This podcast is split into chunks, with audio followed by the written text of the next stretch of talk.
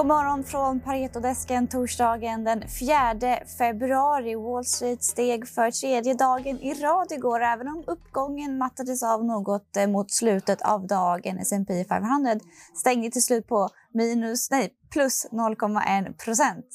Och Spotify släppte rapport igår. Marknaden blev besviken över den. Aktien föll 8% I Sverige får vi idag rapporter från eh, Nordea, ABB, Axfood, Nokia Tobii, Bearctic, Biogaia, Handicare, Kinnevik, Nordnet, Peab, Securitas, Cellavision, Nobia.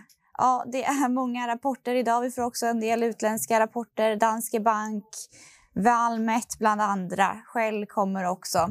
Och i och med rapportsäsongen så är det full fart på Pareto också. På morgonmötet gör vi en rad justeringar efter rapporter. Vi eh, upprepar köp på Bull Diagnostics, tar ner riktkursen något till 66 från 67. Ario upprepar vi behåll. Alfa Laval upprepar vi köp, men vi höjer riktkursen till 275 från 265. Dometic upprepar vi köp, höjer riktkursen till 130 från 125. Volvo upprepar vi köp, höjer riktkursen till 300 kronor aktien från 260. Veoneer upprepar vi köp, höjer riktkursen till 335 från 285 och så VEF då Herman Wartoft tar upp VEF till köp och höjer riktkursen till 4,63 från 3,94. Varför tar du upp eh, VEF till köp igen, Herman? Ja, nej men precis. Eh, VEF är ju ett case som vi har gillat länge på Pareto här. Eh, vi tog ner aktien till behåll för ungefär två månader sedan. Vi tyckte att den hade sprungit kanske lite för snabbt då jämfört med den fundamentala utvecklingen.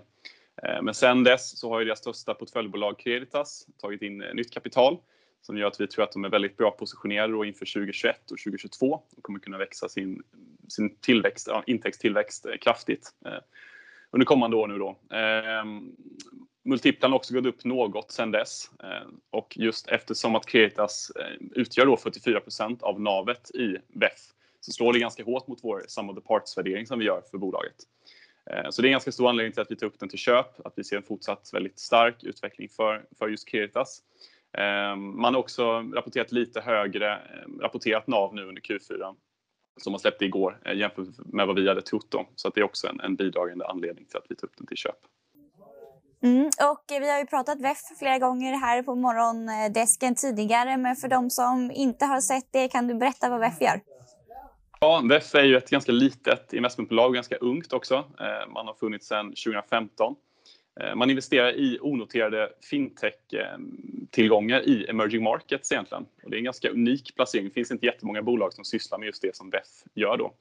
Eh, så man har ett ganska kort track record hittills, men ett väldigt bra track record.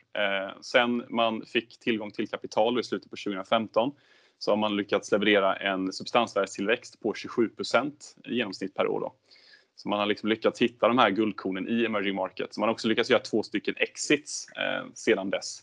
Vilket vi också tycker då stärker tesen i att man är duktig på att faktiskt hitta, hitta bra placeringar och inte bara investera pengarna utan att man faktiskt kan få tillbaka dem till en liksom, vettig return. Då. Eh, så det är ett litet, eh, ja, lite nischat bolag då, men vi, vi tycker det är bra, bra, bra förutsättningar framöver. Och det är liksom, fintech är ju en sekulär tillväxtstory i sig och kanske ännu mer så i emerging markets där liksom storbanker är ännu slöare än vad de är här i till exempel Norden. Då. Mm. Och eh, det finns ju en del risker i den här typen av case också och de, framförallt under corona där många av de här länderna har drabbats hårt. Hur skulle du säga att det här är, eh, speglar sig i värderingen, Herman? Ja, precis. Eh, VEF har ju haft ett ganska eh, volatilt 2020. Under Q1 där så tog man ner värderingen på portföljen med 25 och sen, sen dess då så har man ökat med 20% i Q3. Eh, förlåt, 20 i förlåt, Q1 tog man ner med 25% Q2 ökade man med 20% Q3 20% och sen nu då 16% igen i Q4.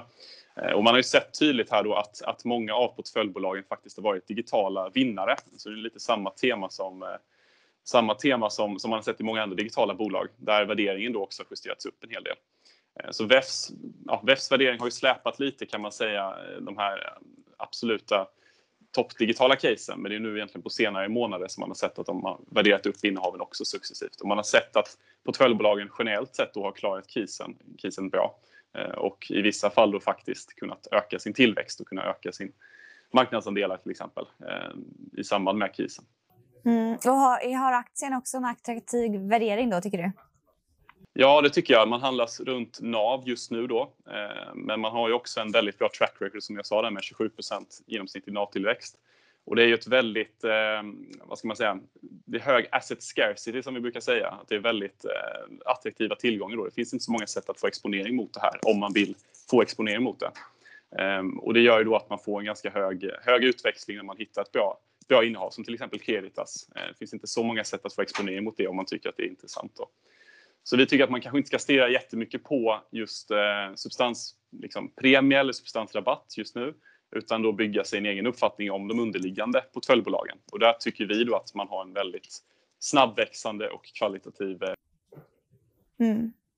Så vill man investera i fintech i emerging markets är VEF ett bra alternativ? Absolut. Tack så jättemycket Herman och eh, tack så mycket för er som lyssnade nu under morgonen. Vi är tillbaka igen imorgon fredag.